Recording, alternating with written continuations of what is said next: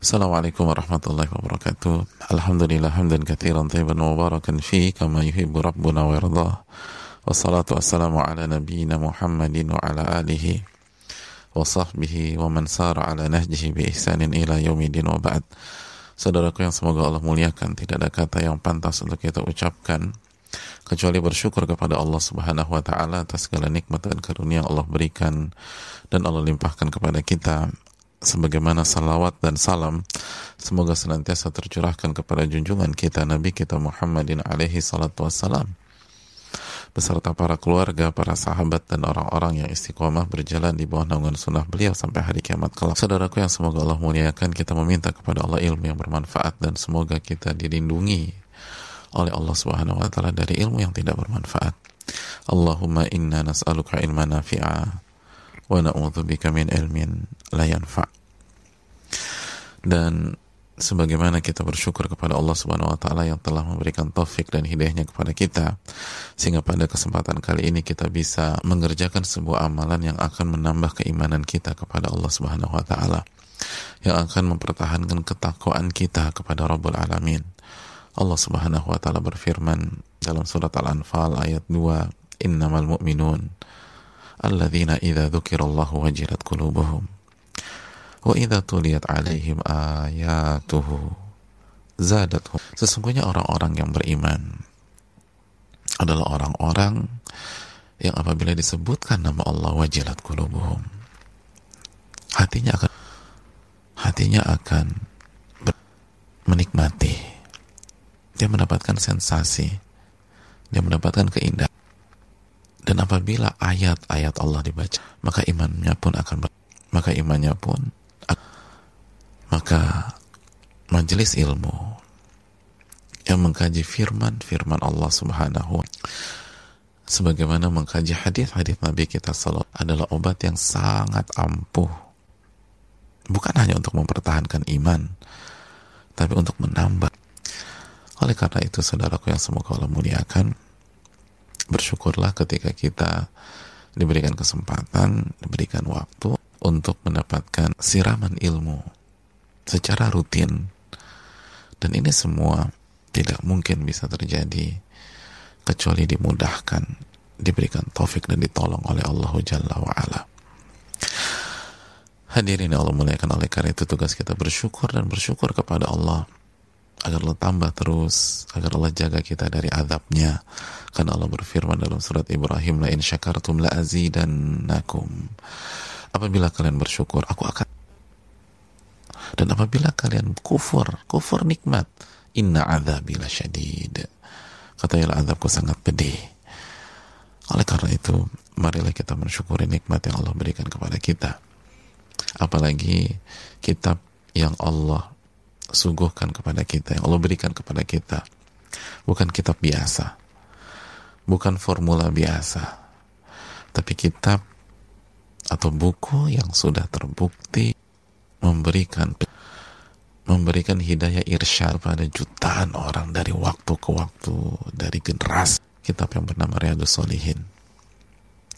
Buah karya Al-Imam Yahya bin Sharaf bin Murri bin Hasan bin Hussein bin Muhammad Abu Zakaria atau yang biasa kita kenal dengan nama Al-Imam An-Nawawi Asy-Syafi'i rahimahullah. Oleh karena itu marilah kita bersyukur karena kitab ini sangat fenomenal dan kita diberikan kesempatan oleh Allah untuk mengkajinya.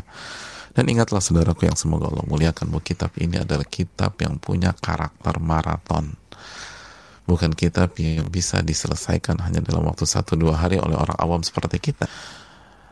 Tapi butuh waktu untuk mengkaji untuk mentadaburi. Dan yang terpenting setelah itu untuk mengamalkan kitab ini. Mengamalkan setiap hikmah dan ilmu dari kitab ini. Oleh karena itu ihris ala yanfa'uk.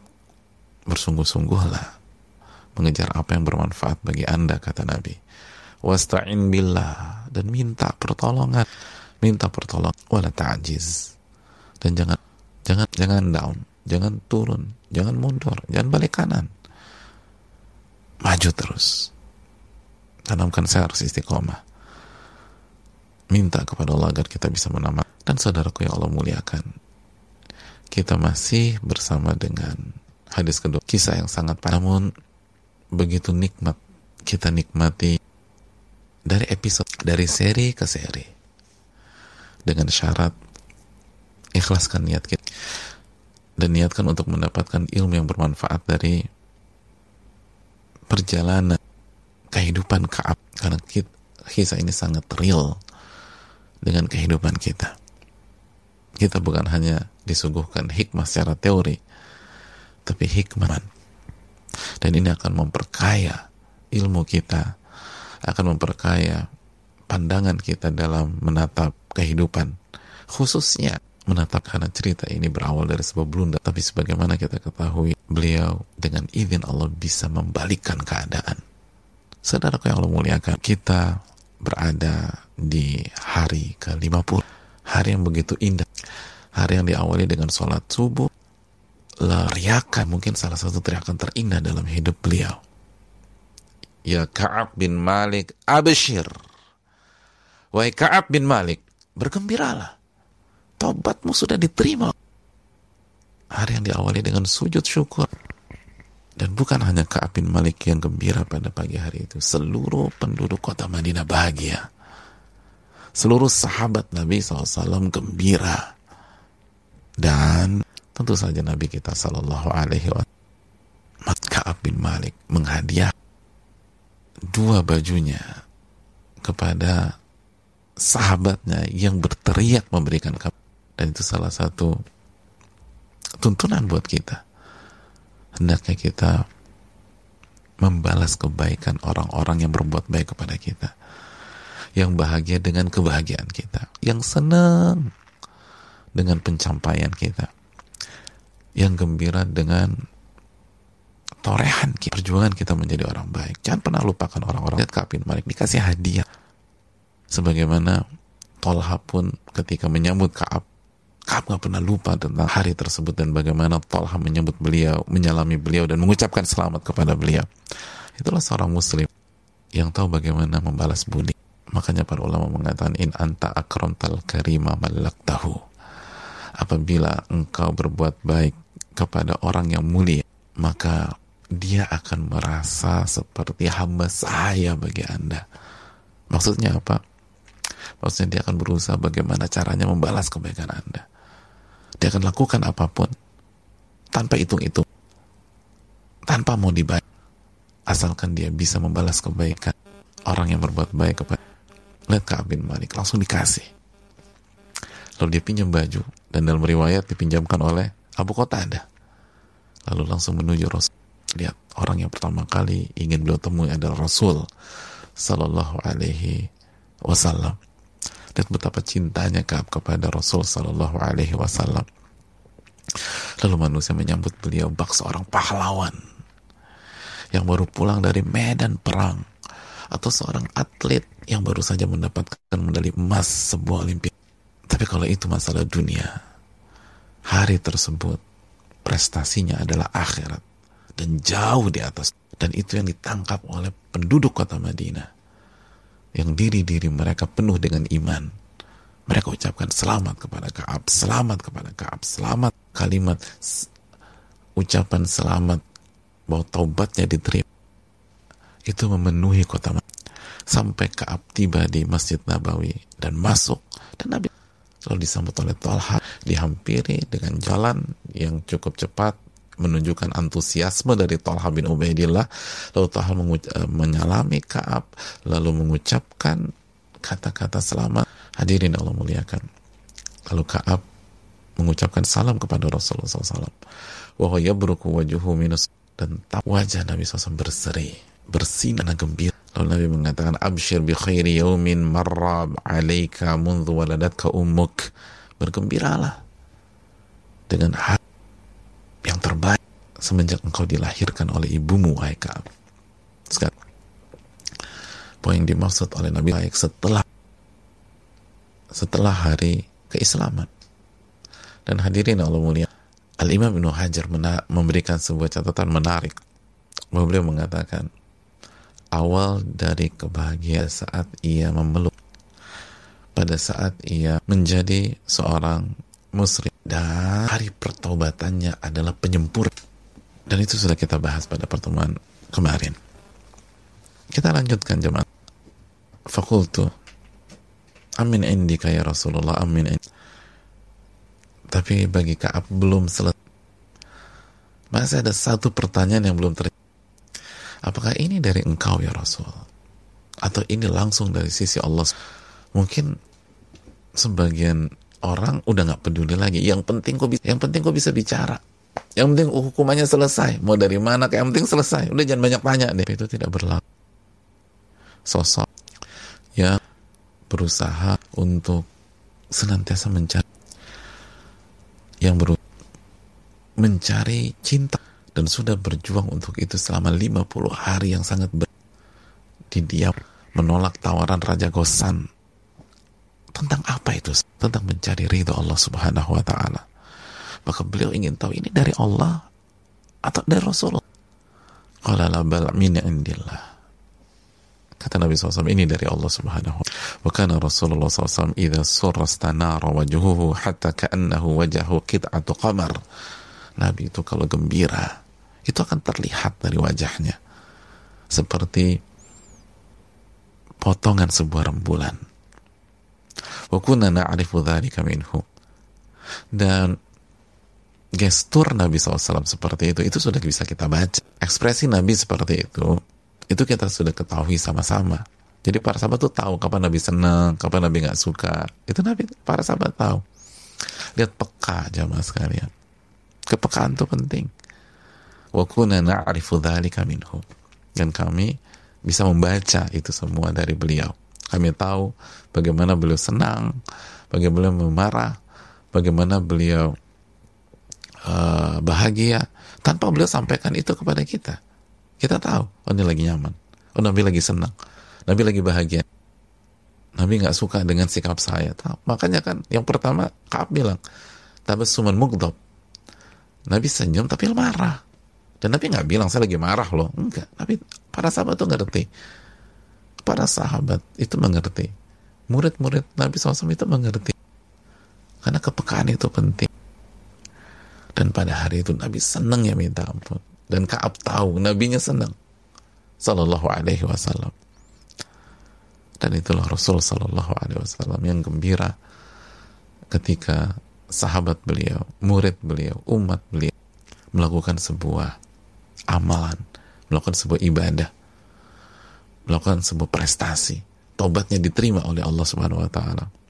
Itu falamma jalastu baina yaday maka ketika aku duduk di hadapan Rasul sallallahu alaihi wasallam aku berkata kepada Rasul sallallahu alaihi wasallam ya Rasulullah wahai Rasulullah inna min taubati an an khali'a min mali sadaqatan ila Allah ya Rasulullah Kaab berkata sesungguhnya di antara bagian dari taubat aku akan melepas sebagian sebagai sedekah untuk Allah dan Rasulnya. Artinya aku akan berikan di jalan. Aku akan serahkan kepada Allah. Aku akan serahkan kepada Allah.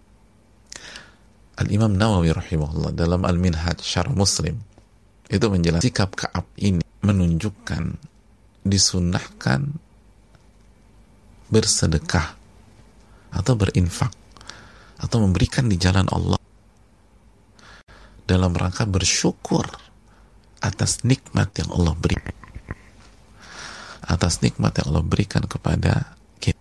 Dan di antaranya adalah ketika Allah memberikan kenikmatan bertobat kepada Allah.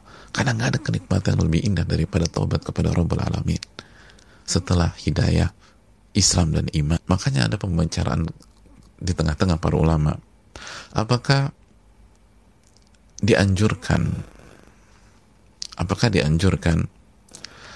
Untuk bersedekah atau berinfak di jalan Allah atau memberikan di jalan Allah setelah kita melakukan kesalahan. Setelah kita melakukan kesalahan uh, setelah kita melakukan kemaksiatan sebagian ulama mengatakan iya kalau bisa. Kalau di antara dalilnya adalah hadits di antara dalilnya surat Hud ayat 114 ketika Allah Subhanahu wa taala berfirman innal hasanat yudhibna sayyiat Sesungguhnya kebaikan, amal soleh itu akan menghilangkan kesalahan kesalahan sebelumnya.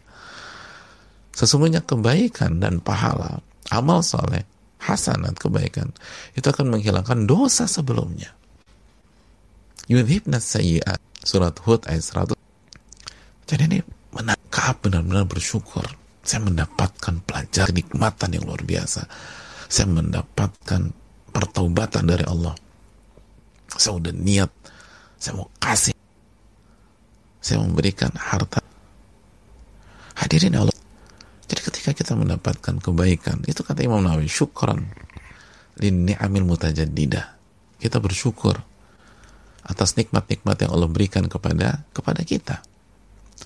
Kita bersyukur hadirin Allah mulia kita dikasih kesempatan untuk taubat kesempatan untuk beribadah mana kita dikasih kesempatan untuk berjuang Mana syukur kita kepada Rabbul Alamin? Oleh karena itu hadirin yang Allah muliakan.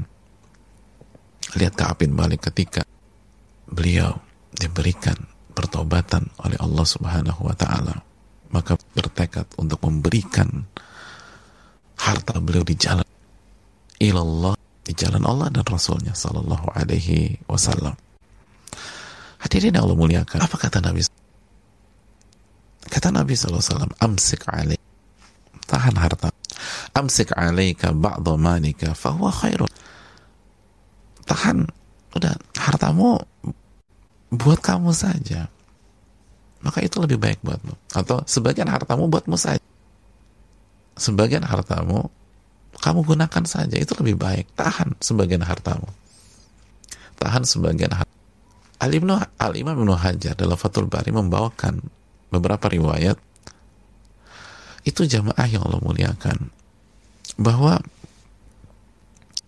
dijelaskan Hajar awalnya Kaab ingin kasih semua min jami'i mali. Al-Imam Ibnu Hajar dalam Fathul Bari menjelaskan min jami'i mali. Dia mau kasih semuanya subhanallah. Saking bahagianya. Ya Allah jamaah tobat kita dapat hidayah itu artinya apa saya mau kasih semuanya saya mau kasih semua semuanya hadirin Allah lalu Nabi mencegah jangan Jangan semuanya. Sebagian buat engkau. Itu lebih baik. Dalam keterangan Al-Imam Nuh Hajar, ini seperti kasus saat bin Abi Waqqas. Masih ingat? Jadi kata enggak, sepertiga. Jangan, jangan semua sepertiga. Ada yang kau sisakan buat dirimu. Atau ada yang kamu tahan. Kamu kan punya keluarga, kamu punya ini, punya itu, tahan. Lihat, karena bagian Nabi intinya orientasi belum kalau orientasi Nabi uang, saya kasih semuanya. Ah gitu dong. Ini baru murid nih. ini baru sahabat. Nah, mana mana mana semuanya. Cuma segini nih. Ini taubat loh. Taubat tuh semua harta dong. Orientasi Nabi bagaimana manusia selamat. Bagaimana manusia itu berjalan di jalan Allah Subhanahu wa luar biasa Nabi kita sallallahu alaihi wasallam. Maka kata Nabi, amsik alika ba'da malik Fawwa khairun. Jangan kasih semuanya. Jangan kasih semuanya. Ada sebagian yang kau pegang. Itu lebih baik buat kesempatan kan. Saya mau kasih semua. Jangan, jangan. Jangan. Pegang dulu. Hold dulu. Itu lebih baik. Fakultu ini umsiku sahmi ladhi bi khair. Kata Ka'ab bin Malik, enggak kok tenang ya Rasul. Aku sudah, eh, aku sisakan untuk diriku hartaku yang ada di khair. Jadi tetap, enggak, enggak, saya mau kasih. Tapi ada saya udah saya, saya udah sisain kok. Harta bagianku yang ada di khair. Lihat kak. Semangatnya untuk berinfak di jalan Allah. Untuk Allah dan Rasulnya Sallallahu Alaihi Wasallam. Lalu bagaimana dengan kita? Untuk sunnah Rasul. Di jalan Allah tabar apalagi Allah sudah kasih hidup Allah sudah kasih kesempatan ibadah Allah sudah selamatkan kita dari kehidupan yang penuh dengan maksiat dan dosa, kehidupan yang penuh dengan ilmu dan iman. Apa yang sudah kita beri?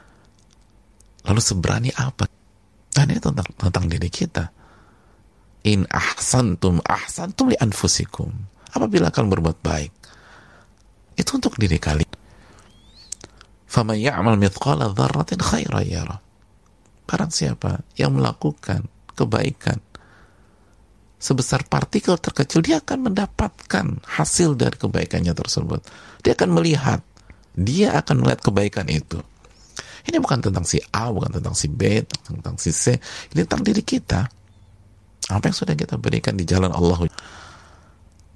Fakultu ya Rasulullah. Dan semuanya penting tapi coba renungkan kalimat berikut ini.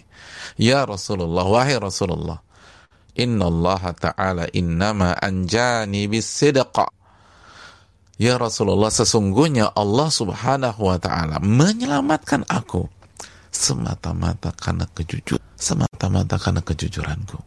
Dalam arti karena sifat jujur yang diperjuangkan oleh Ka'ab bin yang diperjuangkan oleh Murara yang diperjuangkan oleh Hilal. Hadirin Allah muliakan dijelaskan oleh para, para ulama karena mereka sodakullah fasodak karena mereka berusaha jujur kepada Allah Subhanahu wa taala. Dan dan Allah wujudkan cita-cita mereka. Hadirin Allah mulia. Makanya kan setelah Allah jelaskan pertobatan mereka di dalam surat At-Taubah ayat 118 yang sudah kita kaji. Wadhannu alla malja'a minallah illa ilaih. Sampai pada suatu waktu mereka yakin tidak ada jalan keluar tidak ada tempat berlari dari murka Allah kecuali kembali kepada Allah. alaihim liyatubu. Lalu Allah terima tobat mereka agar mereka bertobat kepada Allah. Innallahu tawwabur rahim. Sesungguhnya Allah zat yang maha penerima taubat dan maha penyayang kepada kita. Apa ayat berikutnya? Ayat ke-119. Ya ayyuhalladzina amanu ittaqullah wa kunu ma'as sadiqin. Wahai orang-orang yang beriman, bertakwalah kepada Allah dan bergabunglah bersama orang-orang yang jujur. Kita disuruh bergabung atau bersama orang-orang yang jujur yang benar. Sebagian ulama mengatakan semenjak kejadian itu Kaab menjadi salah satu ikon kejujuran. Makanya setelah surat atau ayat 118 masuk ayat ayat 119 wa kunu ma'as Kalian harus bersama orang-orang yang jujur. Kalian harus bersama orang bersama orang-orang. Dan di antara orang jujur Kaab bin Malik. Bersama mereka beliau. Ikuti renungkan dan amalkan kisah. Jujurlah kepada Allah. Sebagaimana Kaab jujur. Wa kunu sadiqin.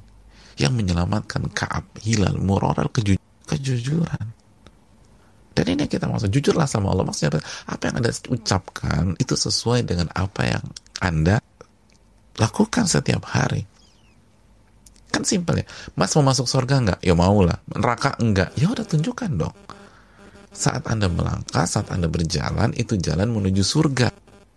Saat, ada pun ketika ada orang ditanya, pengen masuk surga apa neraka? Ya surga lah. Kalau neraka enggak. Tapi dia melangkah menuju neraka. Dan dia tahu itu neraka ke sana. Berarti kan orang nggak jujur nih gitu loh. Ini orang nggak jujur. Bro lo cinta sama Allah. Ya masuk gue nggak cinta sama Allah itu yang paling gue cintai. Tapi sikapnya nggak menunjukkan orang yang sedang jatuh cinta. Orang yang jatuh cinta itu perhatian. Orang yang jatuh cinta selalu memikirkan pihak tersebut. Orang yang jatuh cinta itu siap berkorban. Orang jatuh cinta itu mengungkapkan, mengungkapkan rasa. Lalu Anda pernah mengingat Allah Subhanahu wa taala? Anda pernah perhatian sama apa yang Allah suka? Dan apa dan Anda perhatian dengan apa yang Allah benci? pada saat Anda bergaul, pada saat Anda berbisnis, pada saat Anda berinteraksi. Enggak. Anda pernah mengungkapkan itu. Hadirin Allah mulia. Ada pun kaab tidak. Itulah yang membuat taubat beliau begitu ini. Makanya kan syarat taubat apa? Ikhlas. Ikhlas juga. Sebagaimana sudah kita jelaskan. Harus karena Allah. Adapun kehilafan itu hal biasa dalam kehidupan. Blunder itu siapa yang nggak blunder? Kapur. Tapi jujur nggak gitu Adapun lupa, melakukan kesalahan bodoh, siapa nggak punya kendala itu? Tapi ketika kita ingin ke surga, benar nggak tuh jalan menuju surga? Pada saat kita mengatakan mencari ridho Allah, apa yang anda lakukan itu cari ridho Allah apa enggak? Adapun ketika orang sudah berusaha berjalan menuju surga atau melakukan hal yang diridho Allah, dia capek, dia letih, dia kadang-kadang lelah, terus dia sedikit lost control, tapi dia balik lagi, itulah manusia kullu bani adam khata setiap anak adam banyak melakukan kesalahan yang membuat Kaab diselamatkan oleh Allah. Ini tentang kejujuran punya kemampuan untuk membalikan keadaan dari duduk di kursi pesakitan.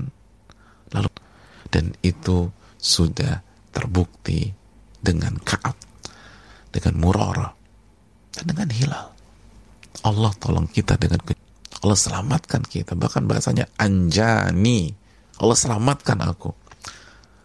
Kalau ingin kita diselamatkan dari Allah, dari masalah dalam kehidupan dari pandemi dari kesulitan dan khususnya dari kekufuran itu jujur dan kau buktikan. Mulai dari bertemu dengan Nabi SAW beliau jujur. Saya nggak ada uzur ya Rasul saya nggak ada alasan. Jujur. Beliau ketika diprovokasi oleh beberapa orang dari Bani Salimah beliau tunjukkan sikap sebagai orang-orang yang jujur. Siapa yang melakukan apa yang aku lakukan seperti aku lakukan? Ada dua orang sama persis. Respon Nabi sama persis. Siapa mereka? Murarah dan Hilal. Lalu didiamkan.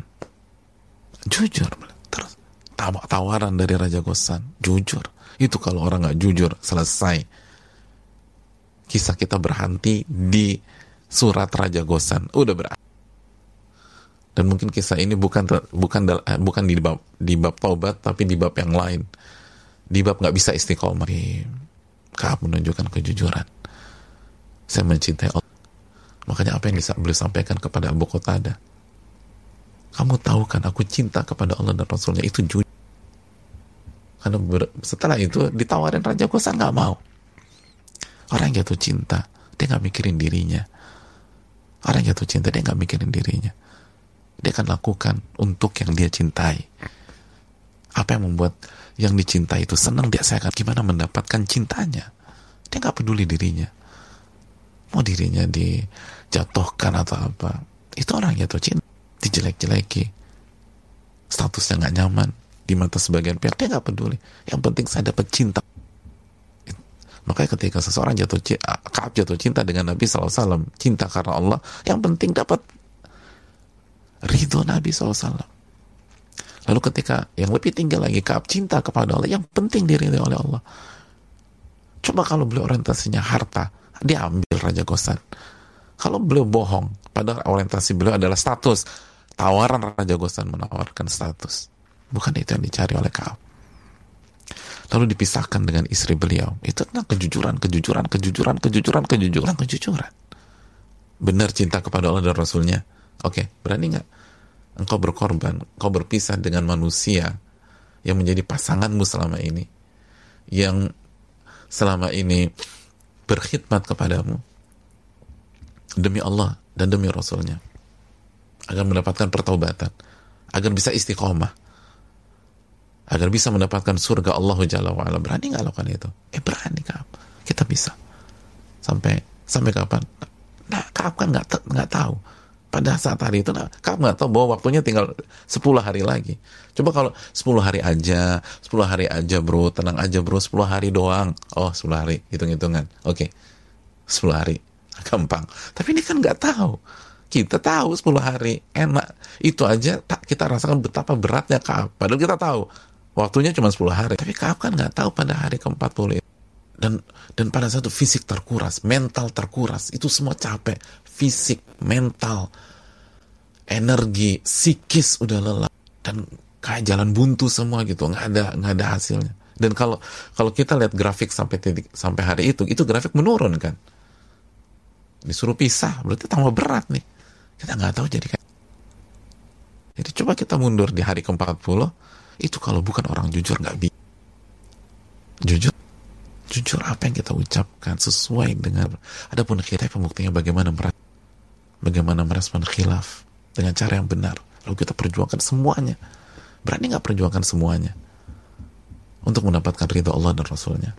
Berani nggak perjuangkan semuanya? Dan korbankan semuanya?